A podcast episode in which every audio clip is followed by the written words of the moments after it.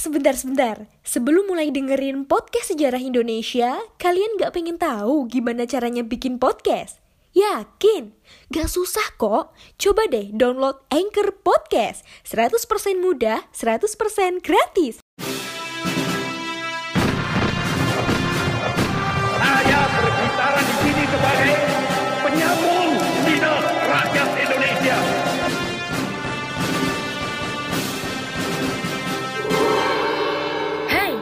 Terima kasih sudah memilih mendengarkan kami, Poseidon. Podcast yang bikin kalian gagal move on.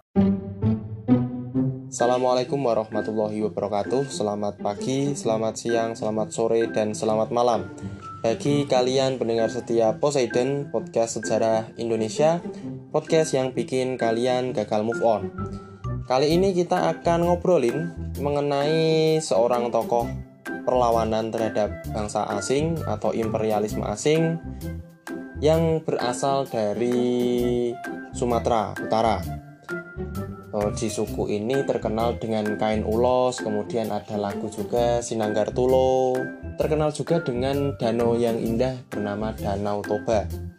Tidak lain tidak bukan, tokoh ini berasal dari suku Batak yang bernama Sisingamangaraja ke-12 atau yang bernama asli Patuan Bosar Ompu Pulau Batu Sinambela yang lahir pada tahun 1848 di tepian Danau Toba Bakara atau yang saat ini berada di Kabupaten Humbang, Hasundutan, Sumatera Utara. Sebagaimana leluhurnya, gelar raja dan kepemimpinan selalu diturunkan secara turun-temurun.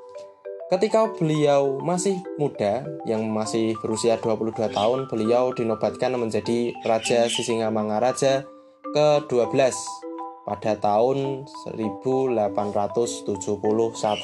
Adapun sebab perlawanan Sisingamangaraja ke-12 adalah adanya obsesi Belanda untuk menyatukan Kepulauan Hindia Timur atau Nusantara di bawah kekuasaan pemerintahan kolonial Hindia atau Hindia Belanda yang dikenal sebagai doktrin Pak Nederlandika.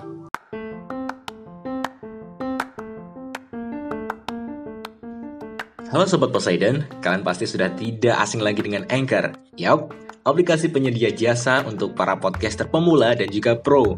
Buat kalian yang pengen mulai nge-podcast, langsung download aja Anchor di App Store ataupun di Play Store. Di sana, kalian bisa nge-podcast dengan banyak banget pilihan background musik. Setelah itu, kalian bisa mempromosikan podcast kalian ke mana pun.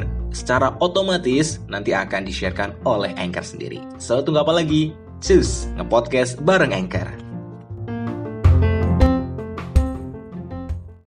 Selain itu, adanya kekhawatiran Sisingamangaraja ke-12 terhadap lunturnya agama dan budaya asli suku Batak yang disebabkan oleh para penyebar agama Protestan di Sumatera Utara.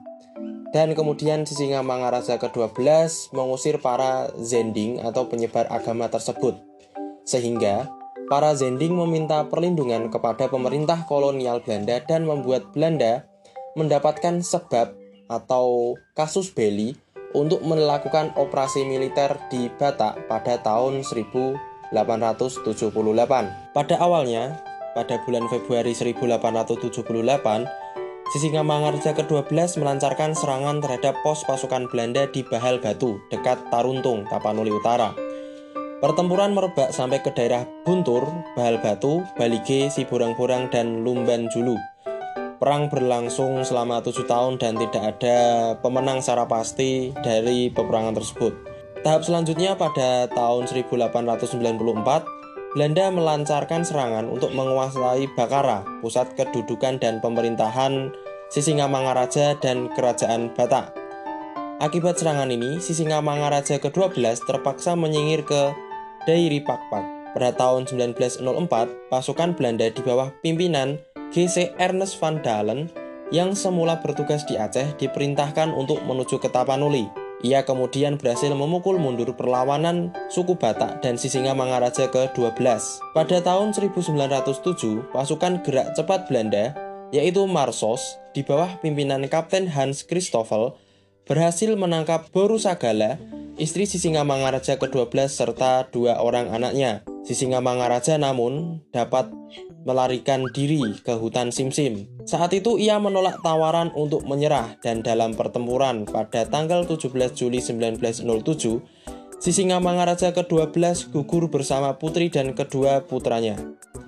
Gugurnya Sisingamangaraja ke-12 menandai berakhirnya Perang Tapanuli dan masuknya wilayah Batak ke dalam Pak Nerlandika. Dengan begitu, berakhirlah perlawanan suku Batak dan Sisingamangaraja ke-12. Adapun hikmah yang bisa kita petik dari peristiwa bersejarah ini adalah ketika kita ditindas dan direbut hak-hak milik kita, maka kita harus berani melawan selama kita benar. Sekian pembahasan mengenai perlawanan Sisingamangaraja ke-12. Semoga kita bisa mengambil hikmah dari setiap peristiwa sejarah yang ada di sekitar kita. Saya Gata Kemal Fragdinda undur diri. Terima kasih dan salam sejarah.